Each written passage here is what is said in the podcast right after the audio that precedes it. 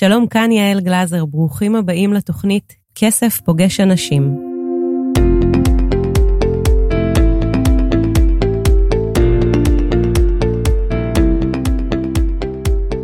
היום אנחנו הולכים לפגוש את טל נברו. שלום טל. היי, מה העניינים? מנכ"לית ומייסדת social lady, ושהיא בעצם אה, סוכנות אה, מדיה דיגיטלית. הגעת אלינו אה, ישירות מבברלי הילס, ואני חושבת שאת אחת הנשים הראשונות שזכיתי לפגוש ברשת החברתית. אני חושבת שאת היית שם ראשונה עוד אפילו לפני מרק צוקרברג. ואני אשמח ככה שקצת תספרי עלייך, מי את, מה את עושה. אמ, אז אני באמת מתעסקת הרבה בתחום השיווק הדיגיטלי המון המון שנים. אני חוזרת איתך 14 שנה אחורה. מאוד, מאוד אוהבת את התחום, אני חושבת שהוא תחום מרתק ושהוא מתפתח ושהוא משתנה ומאוד כיף uh, ללמוד כל יום משהו חדש. Uh, יש לי היום uh, סוכנות דיגיטל, אנחנו עם שני סניפים, יש לי סניף בארצות הברית וסניף בישראל. יש לי עובדים ב, במקומות שונים גם בעולם, גם עובד ביוסטון, ובאמת אנחנו די גלובליים.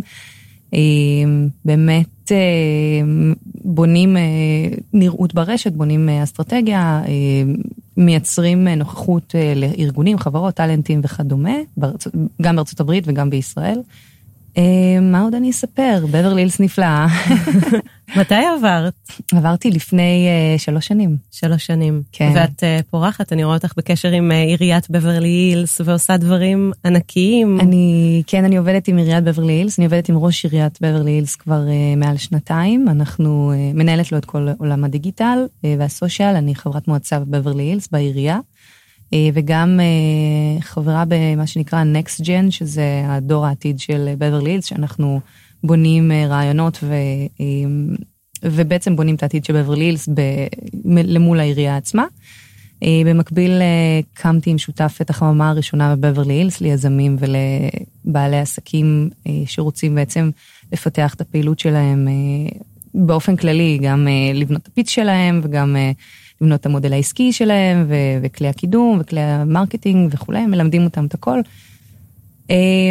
כן, אז אה, כיף.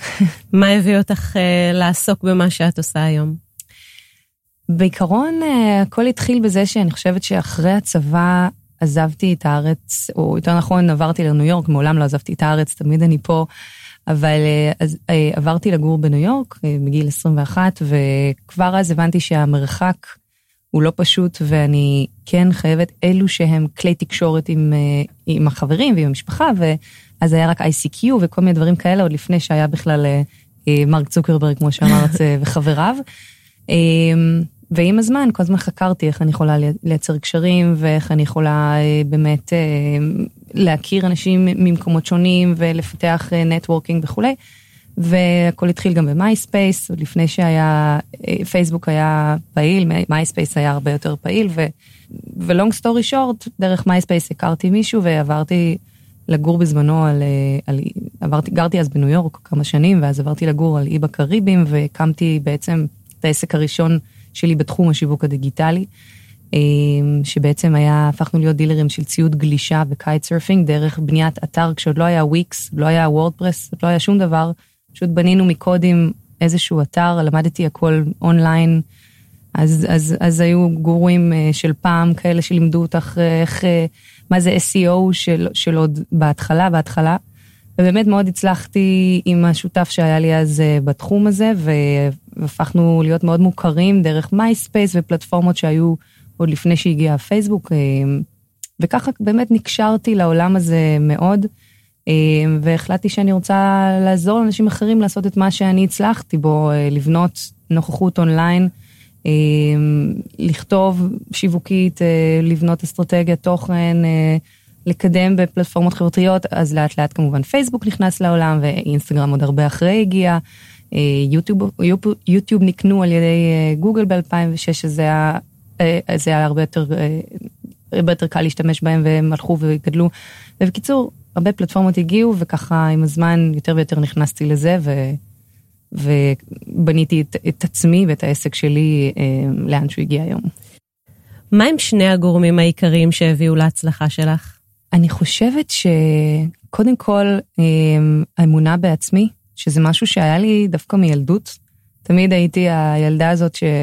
שרוקדת בפני האורחים בסלון, אה, הביטחון העצמי הזה של אני יודעת שאני טובה ואני לא מפחדת מה יחשבו ואני לא חושבת על מה יגידו ואני פשוט אעשה מה שהלב שלי מרגיש. שהיה לי את זה המון המון, כאילו, מילדות גם ככה גילו אותי, הוריי המדהימים. את מגיעה מקריית... אה, מוצקין. קריית מוצקין, ו- כן. ובעצם מקריית מוצקין לבברלי הילס, זו דרך ארוכה. כן, עברתי איזה כמה מדינות בדרך, גרתי בהרבה מקומות בעולם, האמת שאני בחו"ל המון שנים. גם, אני כרגע בלוס אנג'לס, אבל לפני כן חייתי כמה שנים בארץ, ולפני זה חייתי כמעט עשר שנים בחו"ל. אה, ולפני זה רק חייתי בקריות, שזה באמת, סיימתי שם בגיל 20 בקריות. אז בקריות היית רוקדת אה, בפני האורחים, ו... כן, בפני האורחים, ו... ובכלל, תמיד, אה, אני כבר מגיל 6 עובדת ועושה את הכסף שלי. מעולם לא הייתי תלויה באף אחד, מעולם לא ביקשתי שום דבר מההורים שלי או מאף אחד אחר, לא הלוויתי שום דבר, זה לא, אין, אין לי את זה ב-DNA, ואני חושבת שזה מה שחיזק לי את ה... החזק לי את האמונה של אני יכולה לעשות הכל. כאילו, פשוט ככה. אז גם כשהיית ילדה, היית צריכה לעבוד בשביל uh, להתחיל לייצר את העתיד הכלכלי שלך. כלומר, לא הגעת מאיזשהו מקום שכבר היה... לא, לא, לא. מרופד ונוח. לא, לא, לא. אנחנו, אני עבדתי מגיל מאוד צעיר לכסף שלי. אה, ניקיתי מדרגות בילדות, הוצאתי ילדה מהגנון, הייתי בת שש בעצמי, והוצאתי ילדה בת שנתיים מהגן הביתה, וקיבלתי, לשכנים, כן? לא עכשיו אה, עשיתי מזה קריירה בגיל שש, אבל... אמ, ובאמת עבדתי בכל מיני עבודות, הייתי מציירת עם חברות ומוכרת את הציורים, אמא שלי כמעט קראה אותי כשהיא גילתה איזה, מוכרת בשקל ציור. כל מיני שטויות כאלה, ביזנס של ילדה בת עשר שאני לא יודעת מאיפה הבאתי את זה. אה, אבל שנים אה, היה חשוב לי לקלקל את עצמי, והבנתי את זה מגיל מאוד צעיר, כי תמיד היה חשוב לי החופש שלי וה, וה, והאפשרות שלי להחליט על עצמי. לא, לא לקבל החלטות מאף אחד ולא להיות תלויה באף אחד. אז זאת אומרת שממש בנית את עצמך אה, בעשר אצבעות בשביל להגיע למקום הזה, ואני רואה מדי פעם עוקבת אחרייך בפייסבוק, באינסטגרם, תעקבו אם אתם עדיין לא. רואה אותך אה, נמצאת עם אה, אנשים אה, סופר מפורסמים. קודם כל את נשואה ליואב שוורד, נכון? יואב שוורד, שוורד. כן, כן. ואני רואה אותך עם אורן אטיאס, ואני רואה אותך מצטלמת עם שמלות של מעצבות, ונמצאת באמת במקומות הכי יוקרתיים שיכולים להיות, ולחשוב שהתחלת מ... למכור ציורים מוצקין. בשקל, קריית מוצקין, זו גם דרך ארוכה. כן, אני חושבת ש... אני חושבת שתמיד ידעתי שאני... זה לא משהו שפתאום, אני לא מסתכלת על זה ואומרת, וואו, היום אני לובשת שמלות בשטיחים אדומים ומצטלמת עם אה, ליאב שרייבר או whatever, חברים כאלה ואחרים. אני חושבת שזה משהו שתמיד הרגשתי שאני, זאת אומרת, זה... אני חושבת שזו תודעה של בן אדם שהוא שלם, שבן אדם שהוא... בעשייה כל הזמן, וזה דברים שהם יצרו לי את ה... שוב, אמונה עצמית, ביטחון עצמי, שזה דברים שבניתי עם, עם השנים, וגם פיתחתי אותם תוך כדי חוויות שעברתי ודברים שעברתי, אבל תמיד היה טבוע בי הידיעה שאני שווה בדיוק כמו אחרים, או אני יודעת מי אני ומה אני, וזה מה שאני משדרת, וזה מי שאני.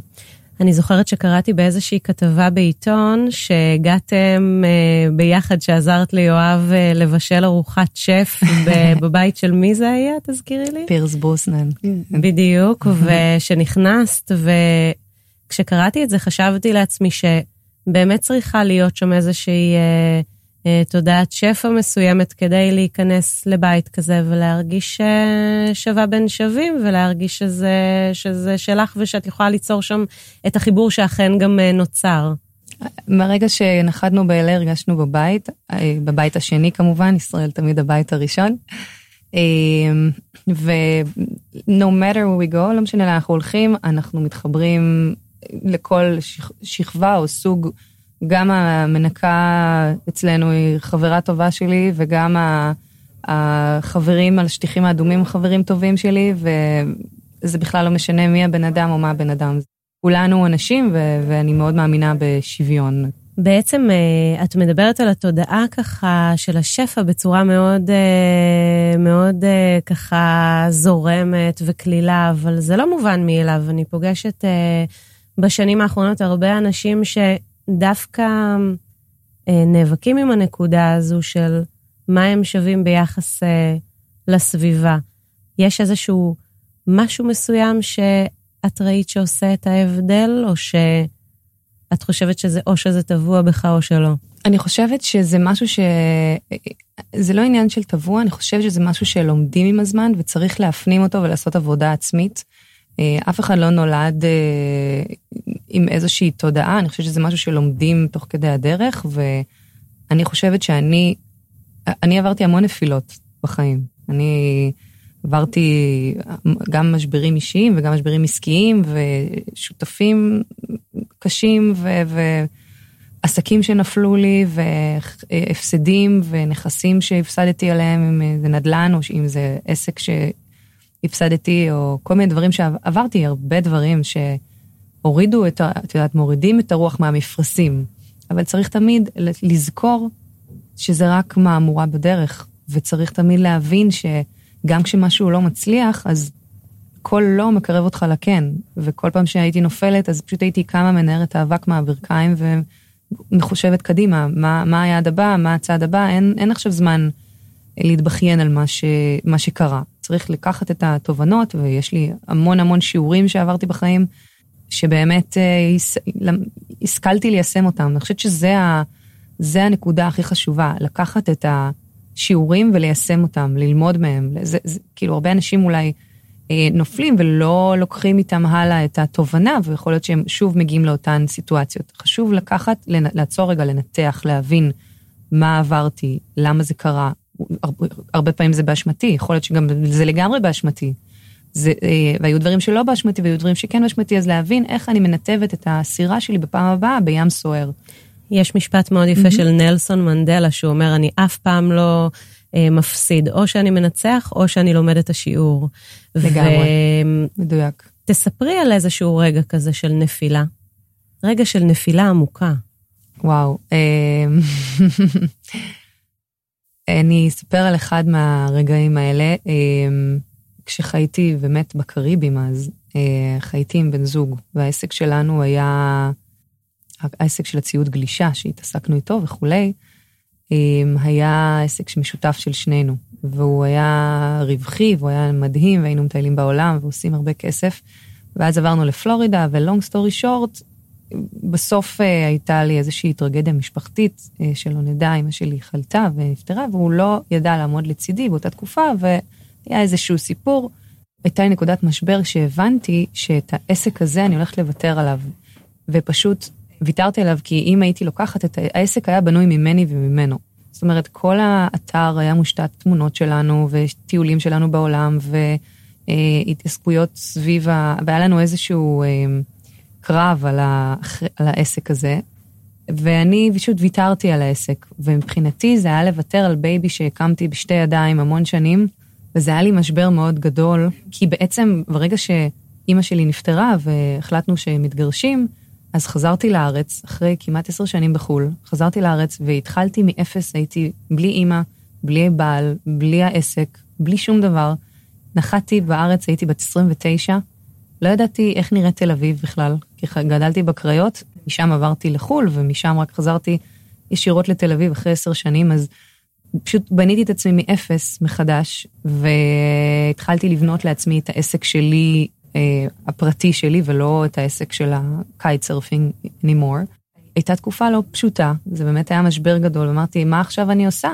זאת אומרת, יש לי את הידע, יש לי את הכוח של כל עולמות הדיגיטל וכולי, אבל האם אני עכשיו מוותרת על, על כל העסק שבניתי ובונה משהו חדש מאפס, ואיזה תהליך ארוך זה הולך להיות, והקהל פה, איך אני עכשיו אלמד אותו מההתחלה, קהל ישראלי, אני לא מכירה בכלל.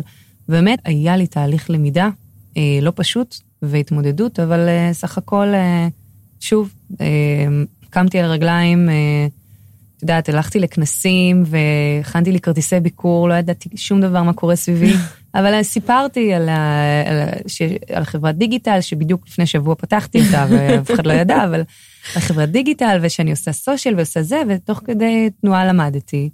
ואז באמת הצטרפתי לאדלר חומסקי והקמתי את מחלקת הדיגיטל הראשונה שלהם ב-2010, שעוד לא היה לפני כן מחלקת דיגיטל, והיה לי מדהים, חברה מדהימה, היה לי מדהים שם.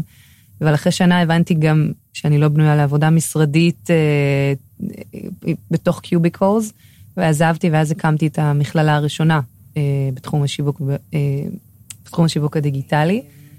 אני רוצה רגע לקחת, אה, להחזיר אותך שניונת לנקודה הזו של, ה, של המשבר, של לחזור, כמו שאמרת, לארץ, בלי אימא, בלי בעל, בלי עסק, ולהתחיל מאפס. ולהיות בתוך המצב הרגשי הקשה הזה, שאני חושבת שכמעט כל יזם מכיר אותו, כל יזם מגיע בנקודה מסוימת. אומרים בארצות הברית שבכלל לא מסתכלים עליך עד שכיזם, עד שלא עברת לפחות אה, שני כישלונות עסקיים אה, אה, משמעותיים. והסיבה לזה זה בעצם שאחרי כישלון, אתה הופך להיות הרבה יותר, את או אתה הופכים להיות הרבה יותר חזקים, עם הרבה יותר יכולות, עם הרבה יותר ידע שקודם לכן לא היה. ואיך, מה היה בתוכך, אם את יכולה ככה ל- לשים את האצבע על משהו מסוים שאמר, אני יכולה להתחיל אה, מחדש, אני לא הולכת לחפש את עצמי באיזושהי עבודה משרדית, אני יכולה להתחיל מחדש. מה זה הדבר הזה, הדבר, הנקודה הפנימית הזו? אמ, אני חושבת שתמיד אומרים, מתוך משבר צומח הדבר, הדבר הכי חזק, צומחים מחדש בדרך הכי חזקה. זה תמיד הרצון שלי, שוב, הרצון שהיה מושרש בי כבר מילדות של אני אדון לעצמי, אני אבנה את ה... אני רוצה לבנות לעצמי את ההכנסה שאני רוצה, אה, בדרך שאני רוצה לעשות אותה, אה, לעשות מה שאני אוהבת, לא, אה, לא דווקא מה שיגידו לי. אה, אני חושבת שמשם זה נבע, פחות או יותר, הרצון הזה לחזור לעצמי, לחזור לחיים, לחזור ל... לה... לחזור לחוסן הנפשי, ובעשייה זה פשוט עובד לי. כל, כל, כל משבר שלי אני מתחילה לעשות דברים, ואז אני יוצאת מזה. אז זאת אומרת שיש בך איזושהי מוטיבציה שהיא גם זו שמניעה אותך קדימה ומאפשרת לך להתגבר, וגם איזשהו רכיב של אמונה בעצמך וביכולות לגמרי. שלך.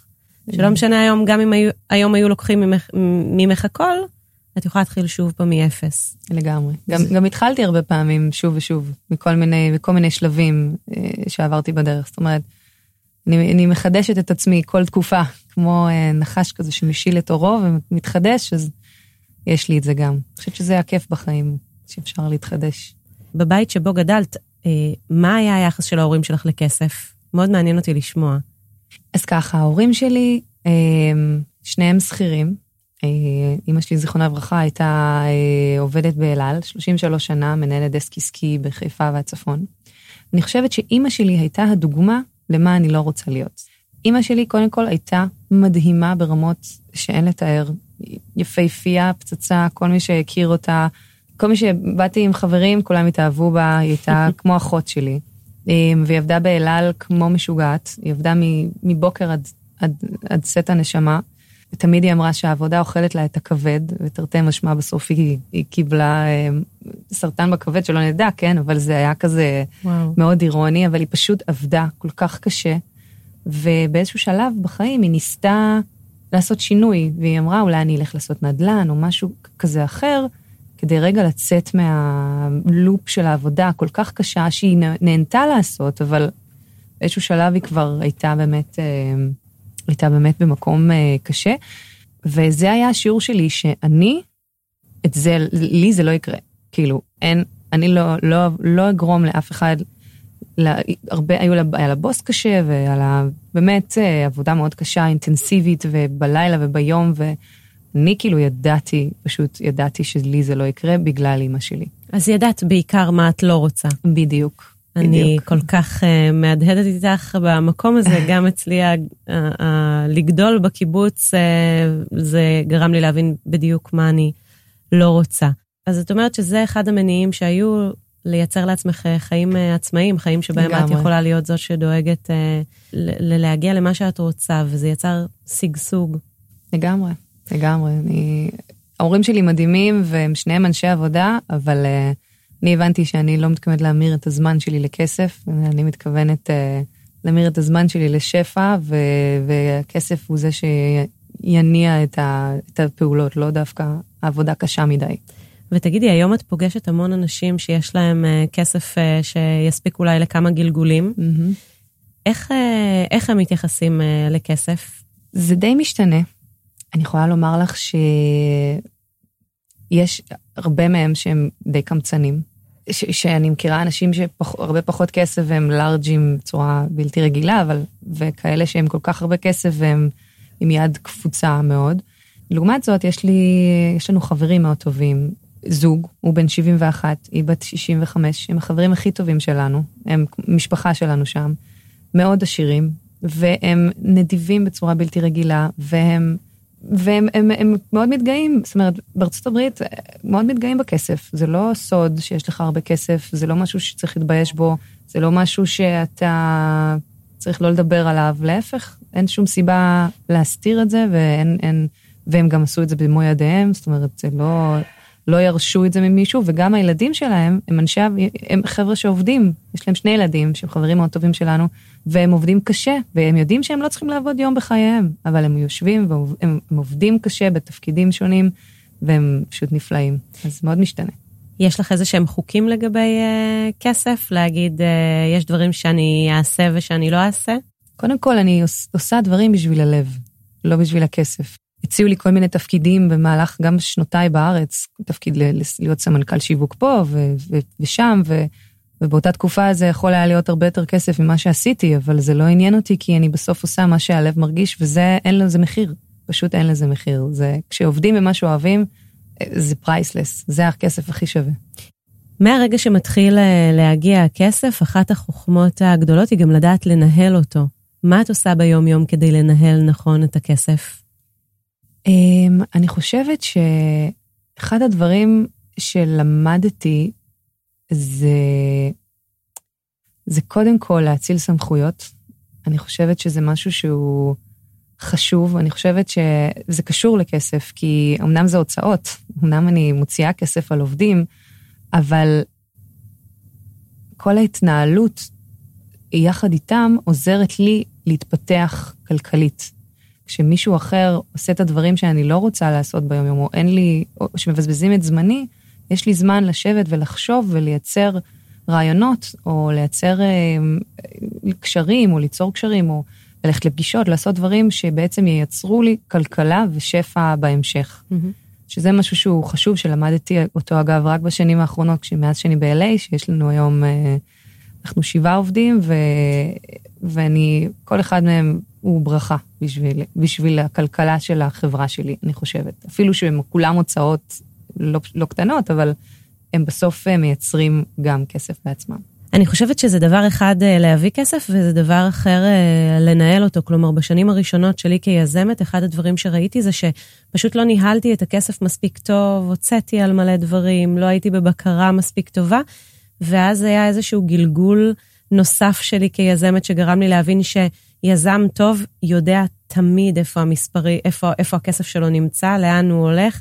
הוא ממש בשליטה מלאה על, ה... mm-hmm, על, על, על איפה הכסף נמצא. איך את עושה את זה ביום-יום? אני יכולה להגיד לך שאני עובדת עם הרבה טבלאות. אני מגיל מאוד צעיר מאוד מסודרת, יש לי קלסרים בבית עם כל מיני דפים, זה מאוד חשוב בעיניי. אה, זה משהו שלמדתי גם עם השנים, לא היה לי מושג אה, איך לנהל כספים בצעירותי, אבל עם השנים, שוב, זה ניסיון וזה הנפילות שהביאו לשיעורים האלה. אני חושבת ש... באמת חשוב לעקוב אחרי דברים, אחרי הוצאות, אחרי הכנסות, חשוב אה, שיהיו רישומים, חשוב, ש... חשוב להיות במעקב על זה. יכול להיות ששווה, שוב, לשים מישהו שיעזור לך לנהל את כל הדבר הזה, אם, אם זה באמת הרבה עבודה. אה, גם אצלי יש מישהי שעוזרת לי לנהל את כל הטבלאות ואת כל ההוצאות והכנסות וחשבוניות ו, אה, וכולי, אבל זה משהו שהוא מאוד חשוב, הוא מאוד מאוד חשוב לעשות אותו, אז מה היית אומרת למישהו שהיה אומר לך, אה, יש לי כסף ואני רוצה לעשות פי מאה? לך על זה. זה, זה היא, אז לכי על זה. לכי על זה. אני מאוד בעד. וזאת גם, זה גם, תמיד צריך לשאוף לעוד. זאת אומרת, לא רק כסף, בכלל, לשאוף לעוד, לשאוף. זה מה שמחזיק אותנו חיים בסוף. מה, מה בא לך לעשות עוד? אני רוצה עוד כסף, עוד uh, נסיעות, עוד uh, לקנות לי עוד משהו, עוד uh, יום חופש, עוד... אז ככל שאתה שואף, בדיוק, ככל שאתה שואף, וככל שאתה... האש בך בוערת, לקום חיה כל בוקר, לקום למלחמה, למלחמה כיפית. אני קמה בבוקר, כל הגוף שלי אש, בוער, מה הולך להיות היום? אני כבר יודעת, אני כבר רואה בראש שלי, צריכה להתקשר לזה, צריכה לעשות את זה, צריכה לעשות את זה. רגע, בלונג רן, למה, מה אני צריכה לעשות היום בשביל שבוע הבא שיהיה לי חשוב? לשים לנו יעדים קטנים, אה, לש, לתקופ, לא צריך ליעדים גדולים עכשיו, מה אני רוצה עוד חצי שנה, אלא מה אני עושה בשבוע הבא שיקדם אותי ליעד שלי עוד חצי שנה או מתי, או בעתיד, כאילו. אז איפה את עוד uh, חמש שנים מהיום? אה, אלוהים יודע. כל שנה משתנה אצלי בצורה כל כך uh, קיצונית. עוד חמש שנים אני uh, עם משפחה, אינשאללה, כמו שאומרים, ובמקום שהחופש הוא חלק מהחיים שלי, אמן גם בריאות, שזה חלק מאוד חשוב מהחופש, ואני חושבת שבריאות זה משהו שבא עם איזון בחיים, כשאתה באמת אין לך... אני חושבת שחלק מהעניין של כסף זה להיות בריא. בריא, זה לא בגלל שאני קונה תרופות, זה בגלל שיש לי שקט יותר. ואני חושבת שזה מה ש... אחד הדברים שמניעים אותי גם לעשות כסף, זה להיות בריא, להיות חופשי, להיות מאושר, זה לא דווקא לקנות לי אוטו גדול, או, או חשבון בנק מפוצץ במיליונים. לא צריכה, לא, את יודעת, זה יגיע, אבל זה לא מעניין כרגע. זה, כרגע השאיפה היא באמת, לעוד חמש שנים, פשוט לצמוח, להמשיך לצמוח, להמשיך ליהנות ממה שאני עושה, וזה המוטו, בסופו של דבר. נעבור עכשיו אה, לדקה לכסף. הכללים של הדקה הזו היא שלא חושבים, פשוט עונים. את מוכנה? Go for it. יאללה. מערכת היחסים שלי עם כסף היא? בריאה. מ-1 עד 10, כמה אני אוהבת כסף? תשע. מה אסור לך לעשות כדי להשיג כסף? מה אסור לי לעשות כדי להשיג כסף? מה שאני לא אוהבת. מה התכונה העיקרית שבגללה אנשים משלמים לך? האמת שלי, שהיא אמיתית, שאותנטיות, שהכל ישר ועל השולחן. מה התכונה העיקרית שבגללה אנשים משלמים לך יותר? כי הם מגלים אחרי זה גם עוד יתרונות. מה עדיף, לחסוך בהוצאות או להגדיל רווחים? להגדיל רווחים, כמובן. שלושה תחומים בעסק שאת חייבת להיות עליהם בפיקוח מוחלט. מכירות, אמ, התוצר, אני חושבת, של מה שמקבל לקוח, אם זה אסטרטגיה וכולי, אמ, והרווחת העובדים. תשלימי, אדם עשיר הוא אדם ש? עשיר יכול להיות בהמון מובנים, זה אדם שעושה מה שהוא אוהב, זה לא דווקא בכסף. ואני עשירה כי? כי אני עושה מה שאני אוהבת, וכי אני חופשייה, אני חושבת. את יודעת, שנים שאני אה, עוקבת אחרייך במדיומים השונים, ותמיד אה, רואים שמה שאת משדרת זה תמיד הרבה מאוד אה, חופש, והרבה מאוד שמחת חיים, וגם גיוון מאוד גדול בתחומים השונים, כלומר אפשר לראות אותך עושה את ה kite surfing ומצד אחד, ואז מצד שני נמצאת על שטיח אדום במקום אחר, ובאמת אה, החופש הזה הוא אה, ניכר, וגם האהבה שלך לאנשים והיכולת להסתכל בגובה העיניים תמיד, לא משנה איפה את נמצאת, ואני חושבת שזה מה שמאפשר לך להצליח בכל מקום שאליו את מגיעה. אז רציתי להגיד לך המון תודה. תודה לך, היה מאוד מאוד כיף, וגם אני עוקבת אחרייך, ואת נהדרת, ואני לומדת המון תמיד, כבר הרבה שנים, ומאוד מאוד כיף uh, להתארח אצלך. אז תודה, תודה על ההזמנה. ותודה לכל המאזינים שלנו. תודה רבה.